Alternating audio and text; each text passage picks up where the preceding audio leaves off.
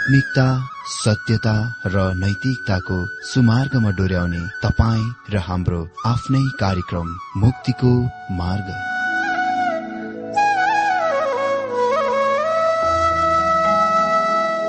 आदरणीय श्रोता यस मुक्तिको मार्ग कार्यक्रममा हार्दिक स्वागत छ।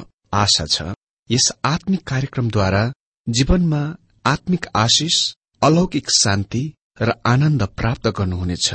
र जीवनमा धन्य अनुभव गर्नुहुनेछ। आउनुहोस् श्रोता। मन र आत्माको तयारीको लागि यो मिठो अनि मधुर भजन गीत सुनौ।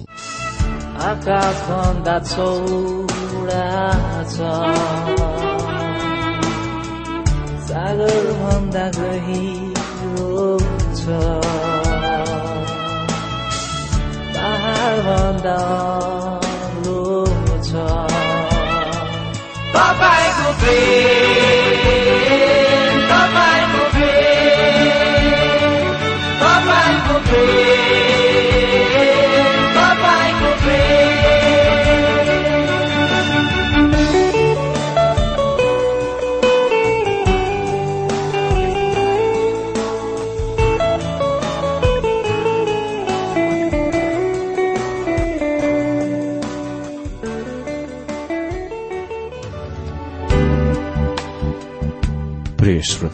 यो प्रसारण मार्फत यो अवगत गराउन चाहन्छौ कि प्रभुको सेवाको लागि यहाँहरूको साझेदारी नित्यन्त आवश्यकता छ।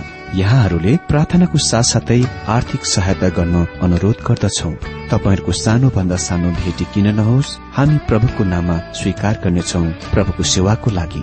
तपाईँहरूको यो सानो लगानीले कसैको जीवनमा भिन्नता ल्याउँछ अनि प्रभुको महिमा हुन्छ। प्रभु तपाईँहरूलाई महान गरी आशिष दिनुहुनेछ। इच्छुक श्रोताहरूले तपाईँको इच्छा भेटी हाम्रो ठेगानामा पठाउन सक्नुहुन्छ जुन ठेगाना हामी कार्यक्रमको अन्तमा दिनेछौं।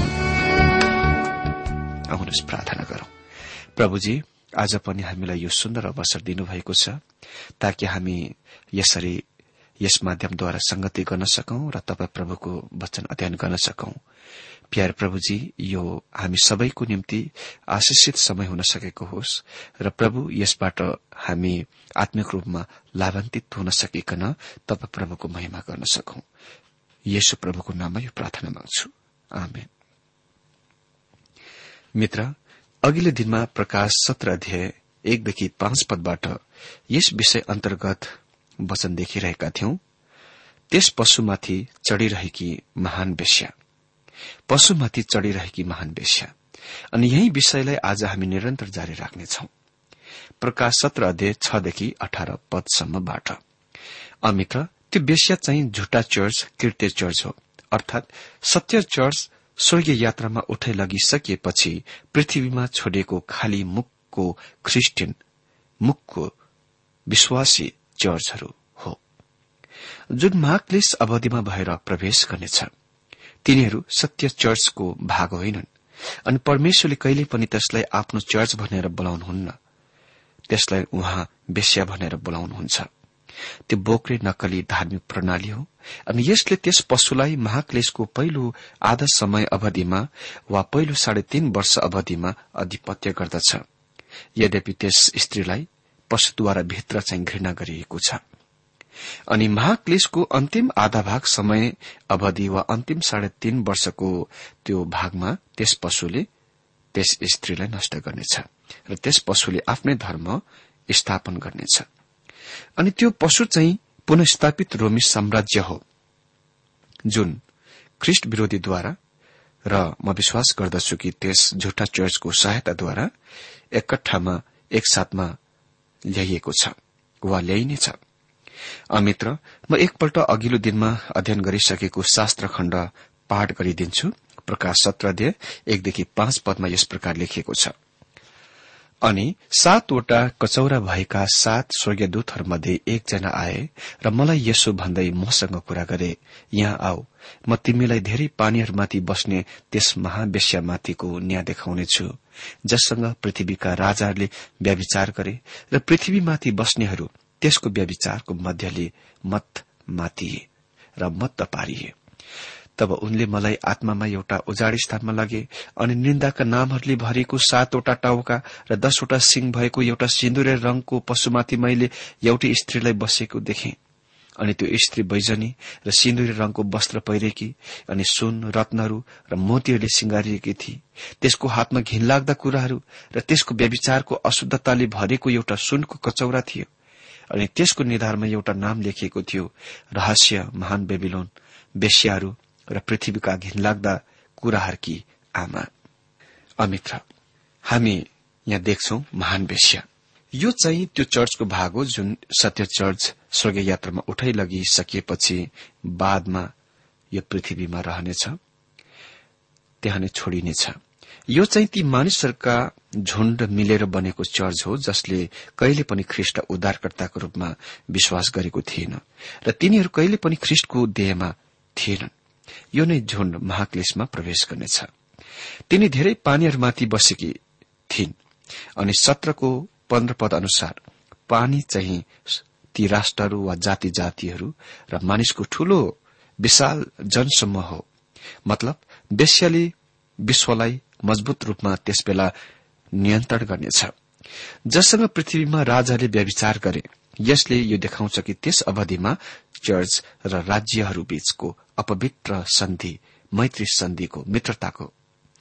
महान वेश्याको न्याय परमेश्वरको दण्डको कचौरा वेश्याको मुखमा जबरजस्ती कोचारिनेछ कसले त्यसलाई नष्ट गर्नेछ?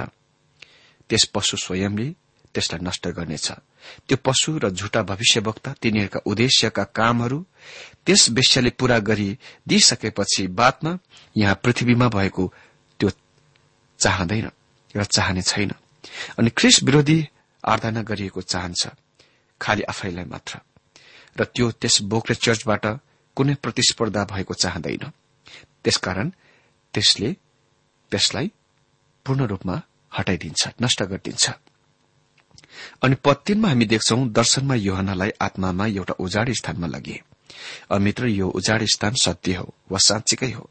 दुवै बेबिलोन र रोमको वरिपरि उजाड स्थान छ। अनि म विश्वास गर्दछु कि यो साँच्चीकै उजाड स्थान हो। तर उही समयमा बेबिलोनको धार्मिक अन्यलताद्वारा ल्याइएको विश्वको अस्तव्यस्तको चिन्ह वा संकेत पनि हो। अमित्र योहानले एउटा सिन्दुरे रंगको पशुमाथि एउटी स्त्रीलाई बसेकी देखे। पशुको पहिले नै हामीलाई चिनाइसकिएको छ जुन ख्रिस्ट विरोधीले पुनस्थापित रोमी साम्राज्यमाथि शासन गरिरहेको हो। अनि त्यस स्त्रीलाई पद अठारमा ठूलो सरको रूपमा परिचय गराइएको छ जुनले पृथ्वीका राज्यहरूमाथि र राजहरूमाथि शासन गर्नेछ। त्यो स्त्री सर हो र त्यो सहर रोम हो जुन विश्वको धार्मिक राजधानी हो। त्यो सहर धार्मिक रोम हो जुन त्यस समयमा विश्वका सम्पूर्ण धर्महरूको आधिपत्य गर्नेछ। अमित्र यो पूर्ण रूपमा सत्य विश्वास त्यागी चर्च हो जुन यहाँ पृथ्वीमा छोडिनेछ। जबकि सत्य चर्च चाहिँ पहिले नै स्वर्गीय यात्रामा उठाइ लगिनेछ र परमेश्वरले त्यसलाई यहाँ बेस्या भन्नुहुन्छ। निन्दाका नामहरूले भरिएका। यसले यो प्रकट गर्दछ कि कति धेरै धर्म जीवित ख्रिष्टबाट भौतारी गएको हुनेछ। अनि अर्को कुरा हामी देख्नेछौ त्यो के हो भने त्यो स्त्रीले बैजनी र सिन्दुरे रंगको वस्त्र पहिरेकी थिए। बैजनी रंग रोमी साम्राज्यवादको प्रमुख रंग थियो। प्रत्येक विधायकहरू राज्यपालहरूले बैजनी रंगको वस्त्र आफ्नो ओहदाको चिन्हको रूपमा लगाउँथे र सम्राटहरूको वस्त्र बैजनी रंगको हुन्थ्यो। सिन्दुरे रंग रोमन क्याथोलिकद्वारा गोद लिएको छ र रत्नहरू र मोतीहरूले सिंगारिएकी थिइन्। सुन रत्न र मोतीहरूले सिंगारिएकी थिइन्। यो चाहिँ फरिसीहरूको जस्तै बाहिर देखाउटी सुन्दरता सान भान हो। भित्र चाहिँ सम्पूर्ण अशुद्धताको र मरेका मानिसहरूका हाडहरूले भरिएको छ। तिनीहरू पाखण्डी बोक्रिएर हुन्। भित्र चाहिँ अर्कै तर बाहिर चाहिँ अर्को भेषमा। तिनको हातमा अशुद्धताले भरिएको सुनको कचौरा थियो। यो चाहिँ चर्च विरोधी ख्रिस्ट विरोधी होइन चर्च विरोधी। चर्च विरोधीको कृत्य बोक्रे धर्म नक्कली क्रिस्टियानिटी र नक्कली र झुट सुसमाचार र बोक्रे र देखाउटी प्रणालीको धार्मिक नशा हो। यो नै कचौराले विश्वलाई मताउनेछ अर्को कुरा के देख्छौ भने त्यसको निधारमा एउटा नाम लेखिएको थियो। अ यो स्त्रीको अति नै झस्काउने चरित्रको प्रकाश हो। तिनले शरीरमा मुकुट वा आफ्नो शिरमा मुकुट लगाएकी छैनन् बरु तिनले वा तिनको व्यवसाय पेसाको चिन्ह लगाएकी छे। रहस्य बेबिलोन बेस्या र पृथ्वीका घिनलाग्दा कुराका आमा। यो नाम चाहिँ उसको निधारमा लेखिएको छ। अमित्र यसलाई रहस्य बेबिलोन भन्नको मतलब हो त्यो तबसम्म प्रकट भएको थिएन जबसम्म युहनाले प्रकाश सत्र अध्याय लेखिनन्। त्यसकारण यो रहस्य भयो। यो रहस्य बेबिलोन हो किनभने त्यसलाई त्यही नै नाम वा उपाधि दिइएको छ जस्तो कि यरुसलेमलाई सदोम भनिएको छ। त्यहाँ कुनै दुई मत छैन कि बेबिलोन सम्पूर्ण झुटा धर्मको मुख्य स्रोत वा स्थान हो भन्ने कुरामा। त्यसकारण त्यो बेस्या र पृथ्वीका घिनलाग्दा कुराहरूको आमा हो। त्यसपछि सत्र अध्याय छ र सात पद हामी हेर्दै अगाडि बढ़नेछौ। यहाँ यस प्रकार लेखिएको छ अनि अनि मैले त्यस स्त्रीलाई पवित्र जनहरूको रगत र येसुका शहीदहरूको रगतले मत्त भएकी देखे। अनि जब मैले त्यसलाई देखे तब मलाई साह्रै अचम्म लाग्यो। अनि स्वर्गीय दूतले मलाई भने तिमीलाई किन अचम्म लाग्यो? म तिमीलाई त्यस स्त्रीको र त्यसलाई बोकेर हिँड्ने पशुको रहस्य बताउनेछु जसका सातवटा टाउका र दसवटा सिंह छन्। तिनी पवित्र जनहरूका रगतले मातिएको यहाँ हामी देख्छौ। त्यो वेश्या केवल अरूलाई मात्र बताउँदिनन् तर तिनी सतावटको तिनको क्रियाद्वारा मातिएकी छिन् लट्ठ परेकी छिन्। जबकि यो सत्य हो चर्च मार्कलेसमा भएर जाने छैन। तापनि हामी अनुग्रहको यो युगको अन्तको नजिकतिर भएकोले गर्दा विश्वासीले केही क्लेश वा कष्टहरूको आशा गर्न सक्छन्। यो मेरो र अन्य प्रभुका सेवकहरूको अनुभव पनि हो कि आज परमेश्वरको वचनको लागि र ख्रिष्टका कुराहरूको लागि विभिन्न दिन प्रतिदिन कठिन भइरहेको छ। पवित्र जनहरू यसले सम्भव पुरानो नियमका पवित्र जनहरूको संकेत गर्दछ र येशुका शहीदहरूले चाहिँ नयाँ नियमका पवित्र जनहरू वा सन्तहरूको संकेत गर्दछ। यसले यो संकेत गर्दछ बेबिलोन रोमानवाद भन्दा अधिक धेरै ज्यादा कुरो हो। बरु यो सम्पूर्ण धर्महरूको मिश्रण हो। सम्पूर्ण सत्य विश्वासीहरूलाई स्वर्गीय यात्रामा उठाइ लगिए र बेबिलोन चाहिँ पृथ्वीमा छोडिएका शेष वा अवशेष हो। बेबिलोन संयुक्त मिश्रित धार्मिक प्रणाली हो जुनमा प्रोटेस्टेन्ट रोमन क्याथलिक झुटा शिक्षाहरू र अरू धेरै समूहका झुण्डहरू सम्मिलित छ जो स्वर्गीय यात्रामा उठाइ लगिने छैन। मित्र यो सम्पूर्ण धार्मिक भ्रान्ति त्रुटि र प्रतिमा पूजाको मूल स्रोत पनि हो।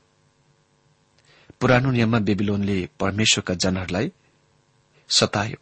र त्यो परमेश्वरको शत्रु थियो।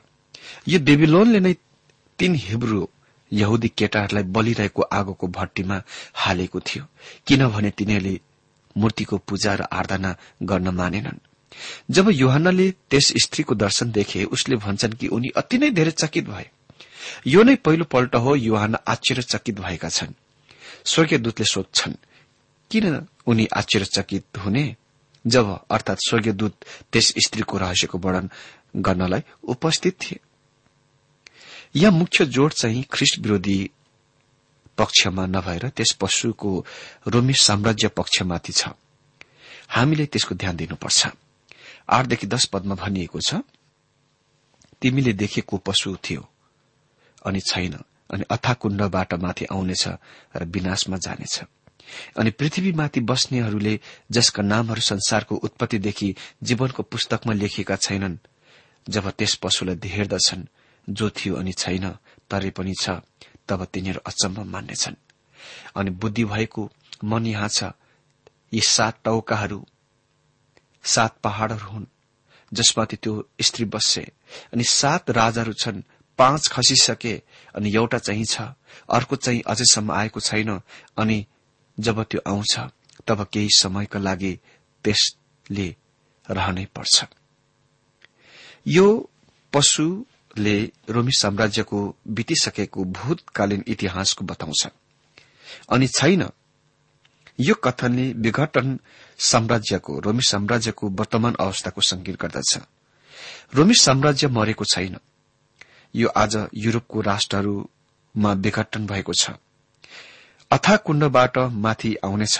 यसले शैतानद्वारा रोमी साम्राज्यको पुनः सक्रिय बनाउने कामको बताउँछ।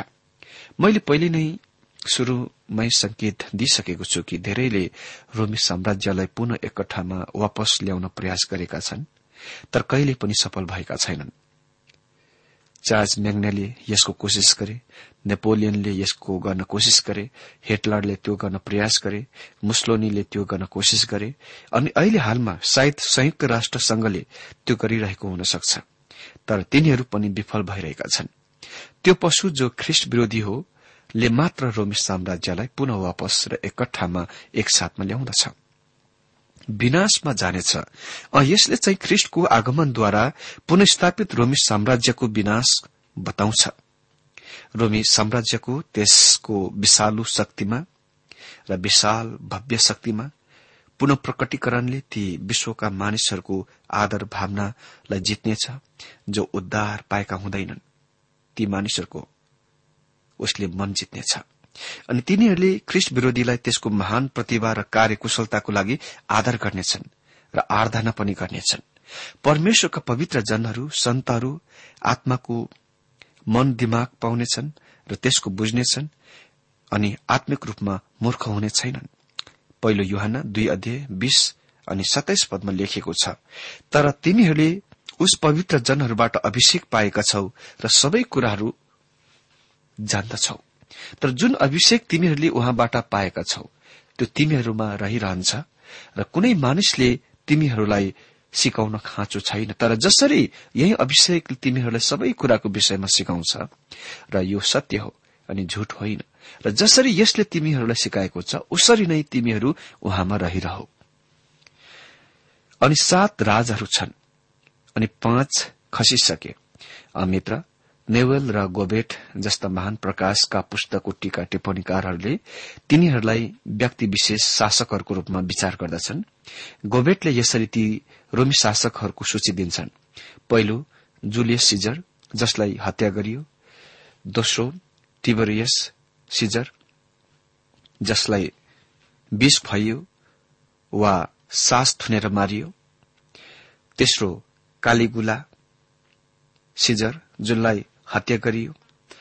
अनि चौथो क्लाउडियस सिजर जसलाई विष खुवाइएर मारियो पाँचौं नेहरू सिजर सम्राट जसले आत्महत्या गर्यो। अनि पद दशमा उल्लेखित एउटा चाहिँ छ चाहिँ डोमिसन हो। डोमिसन रोमी सम्राट जो युहानको दिनमा रहिरहेका थिए।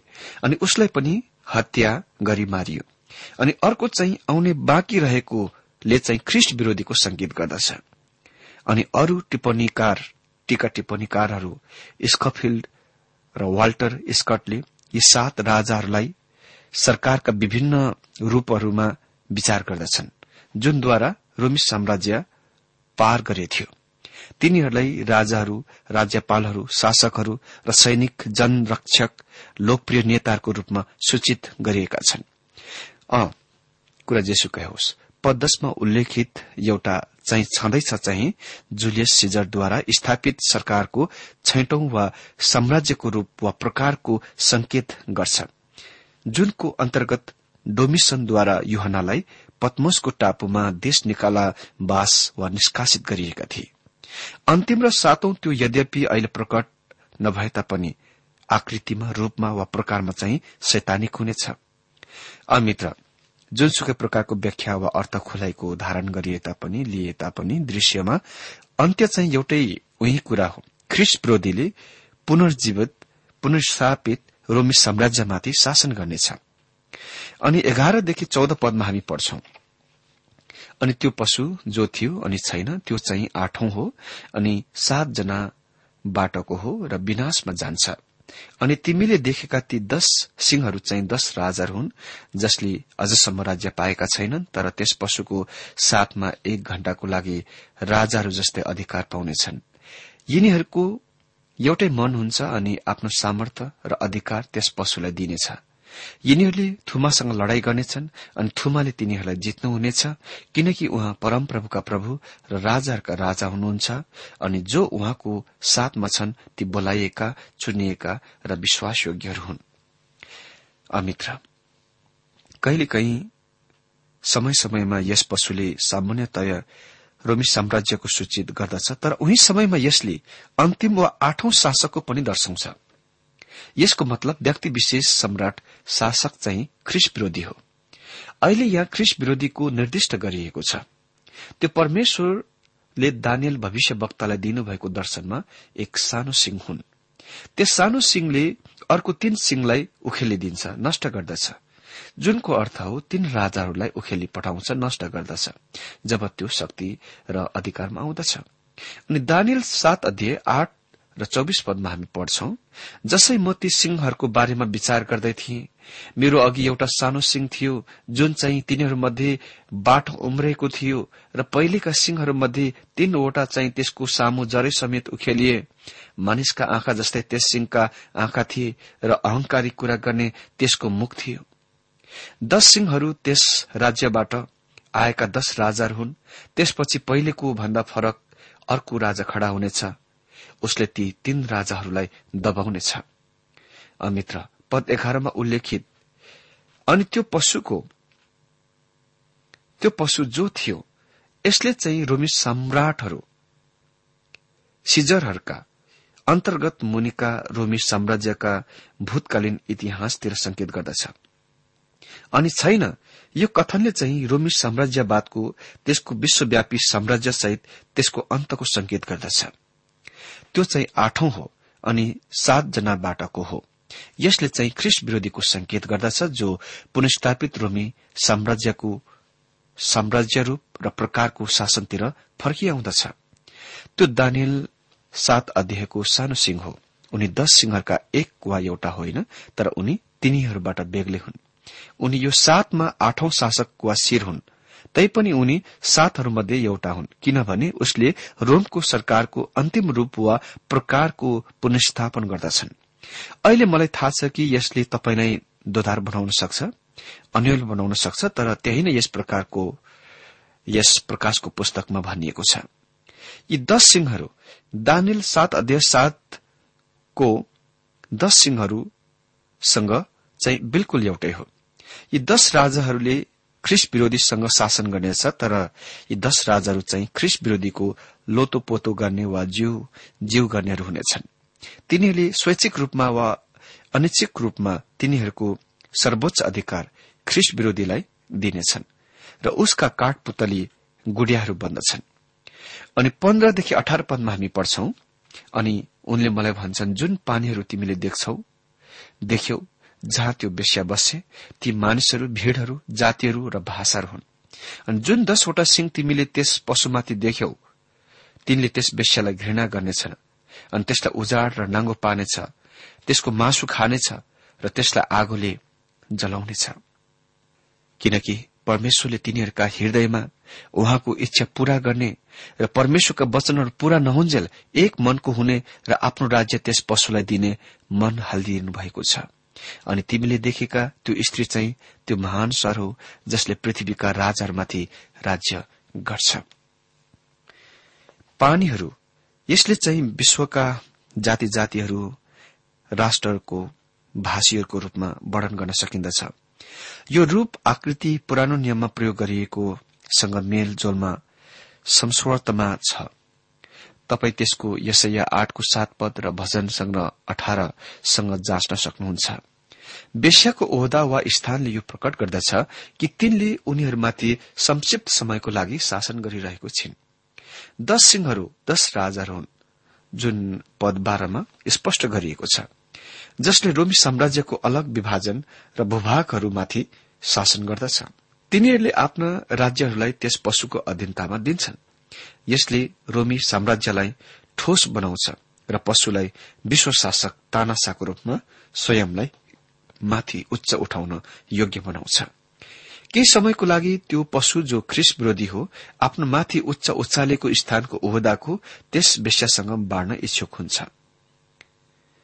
किनकि तिनले पनि उसको उद्देश्यको अघि बढ़ाउन र पूरा गर्न सहायता दिएकी थिइन्। तर ख्रिस विरोधीले यो कुरा मन पर्दैन यसको घृणा गर्छ र दश राजाहरू यसमा उसँग मिल्दछ। अमित्र ख्रिस विरोधीले केवल इसरायलसँग उसको करार मात्र तोड्दैन तर उसले सत्य विश्वास त्यागी चर्चसँग उसको सम्बन्ध पनि तोड्दछ। सत्य विश्वास त्यागी चर्चको विरूद्ध यो घृणा यति उग्र हिंसा छ कि भनिएको छ सोह्र पदमा हामी पढ्छौं अनि जुन दसवटा सिंह तिमीले त्यस पशुमाथि देख्यौ तिनले त्यस वेश्यालाई घृणा गर्नेछ अनि त्यसलाई उजाड र नाङ्गो पार्नेछ र त्यसको मासु खानेछ र त्यसलाई आगोले जलाउनेछ। यो महान घृणाले बैरले झुटा चर्चलाई नष्ट गर्दछ। त्यही नै झुटा चर्चलाई हुँदछ मित्र। त्यससँग कुनै विजय छैन। त्यो कहिले पनि ख्रिष्टको उपस्थितिमा आउने छैन। त्यो कति पनि स्वर्गीय यात्रामा उहाँलाई लगिँदैन। अन्तिममा त्यसलाई ख्रिस्ट विरोधीद्वारा नष्ट गरिनेछ। यसो गरेर ख्रिस्ट विरोधी र उसका दश मित्र सहयोगी राजाहरूले परमेश्वरको वचनको पूरा गरिरहेका छन् र उहाँका इच्छाको काम गरिरहेका र त्यसको पूरा गरिरहेका छन्। जसरी असुरीले उहाँको उद्देश्यको पूरा गरेथे। जुन यसैया दश अध्यय पाँचदेखि उन्नाइस पदमा भविष्यवाणी गरिएको छ। अनि बिल्कुल त्यही नै सिजर अगस्तस रोमी सम्राटले गरे। जब उसले कर बिलको सही गरेर कर तिर्न पूरा त्यहाँको मानिसहरूलाई राज आज्ञा दिए। हामी जान्दछौ कि यस बाध्यताको कारण मरियम र युसुफलाई बेतलेममा कर तिर्न बाध्य गराइयो र यसरी शास्त्रको भविष्यवाणी पूरा हुन सक्यो। सत्य विश्वास त्यागी चर्चलाई सर्वनाश गरेर ख्रिस्ट विरोधीको पूजा आराधनाको लागि बाटो तयार पारिएको छ। जसको बारेमा झुटा भविष्य वक्ता वकालत गर्यो वा उसको पक्षमा उसलाई आराधना गर्नुपर्छ भनी बोले। अनि स्त्री चाहिँ धार्मिक प्रणाली हो जुन हामीले पहिले नै देखिसकेका छौं। साथै म यो पनि विश्वास गर्दछु कि तिनलाई शहरको रूपमा अर्थात रोमको शहरको रूपमा पहिचान गरिएकी छिन्। यो एकदम भयानक डरलाग्दो तस्विर हो र सत्य विश्वास त्यागी चर्चको चाहिँ अन्त। तर यसले त्यस परिस्थितिको सुधार्दैन। बरु यसले विश्वको इतिहासमा धर्मको लागि सबभन्दा अन्धकार अवधिको परिचय दिन्छ। ख्रिस विरोधीको धर्म र शासन सबभन्दा अन्धकारमय घडी हो। समय हो जुन पृथ्वीले थाहा पाउनेछ र पनि अविश्वासको शंकाको अनिवार्य अन्त हो जुन अदनको बगैँचामा आरम्भ भएथ्यो जब मानिसले परमेश्वरलाई विश्वास गर्न विफल भयो यसलाई बाबेलको धरारमा नयाँ गतिबल वा प्रोत्साहन दिएको थियो। जुन परमेश्वरको विरूद्धमा छ तिनीहरूका लागि जमघट आम सभाको स्थान थियो। अनि अन्तिममा यो त्यो येशु ख्रिष्टको कृषिकरणमा चरम सीमामा पुगेथ्यो जब मानिसले उहाँलाई इन्कार गरेर अस्वीकार गरे जो बाटो सत्य र जीवन हुनुहुन्थ्यो। सत्यलाई इन्कार गरेर मानिसको लागि बाँकी बचेको विकल्प चाहिँ ठूलो ठूलो झुटा भ्रममा विश्वास गर्नु हो। अनि यो पृथ्वीमा ख्रिष्टको महाविनाशक आगमनमा इतिहास चरम बिन्दुमा पुग्नेछ। यो भ्रान्ति र दुष्टताको पाउनुपर्ने दण्ड हो। मेरो मित्र तपाई क्रिस्चियनको रूपमा आफ्नो हृदयमा धन्यवादी हुनुपर्छ। यो थाहा पाएर कि तपाई महाक्लेशबाट जोगाइनुहुनेछ बचाइनुहुनेछ।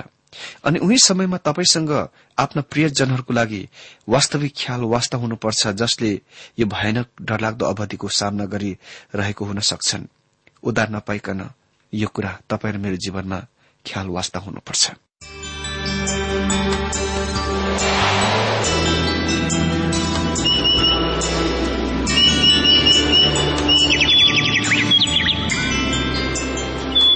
प्रिय श्रोता अहिले भर्खरै तपाईँले टीडब्ल्यूआर नेपालद्वारा संचालित आत्मिक कार्यक्रम मुक्तिको मार्ग सुनिरहनु भएको थियो। श्रोता आजको यो कार्यक्रम सुनेर तपाईँलाई कस्तो लाग्यो? यदि यो कार्यक्रम सुनेर मनमा कुनै खुल्दुली वा कुनै प्रतिक्रिया अर्थात सुझावहरू छन् भने हामीलाई पत्रद्वारा लेख्न सक्नुहुनेछ। हामी हृदयदेखि नै स्वागत गर्नेछौ स्वीकार गर्नेछौ साथै बाइबल सम्बन्धित प्रचारहरू कार्यक्रम सारणीहरू हामी अनुरोधमा पठाउन सक्छौ। अनि तपाईँसँग कुनै प्रार्थनाको विषय छन् भने हामीले तपाईँको लागि प्रार्थना गरेको चाहनुहुन्छ। चाहनुहुन्छ भने प्रभुमा आफ्नै परिवार सम्झेर हामीलाई पत्रमा लेख्न सक्नुहुनेछ। तपाईँको लागि हामी प्रभु येशुसँग प्रार्थना गर्नेछौ। अधिक जानकारी र पत्रचारको लागि हाम्रो ठेगाना यस प्रकार छ। कार्यक्रम मुक्तिको मार्ग जीपीओ नम्बर उनानब्बे पचहत्तर इपिसी पच्चिस एकसठी काठमाडौँ। ठेगाना एकपल्ट सुन्नुहोला। कार्यक्रम मुक्तिको मार्ग जीपीयू नम्बर उनानब्बे पचहत्तर इपिसी पच्चिस एकसठी काठमाडौँ। हाम्रो इमेल एड्रेस हो TWR Nepal at Yahoo dot com साथै यस नम्बरमा एसएमएस गर्न सक्नुहुनेछ अन्ठानब्बे चार सत्तरी पैंतिस छ सय उनासी नौ आठ चार सात जिरो तीन पाँच छ सात नौ। हुन्छ श्रोता आजलाई हामी विदा चाहन्छौ। अर्को कार्यक्रममा हामी पुनः भेट्नेछौ तबसम्मलाई नमस्कार।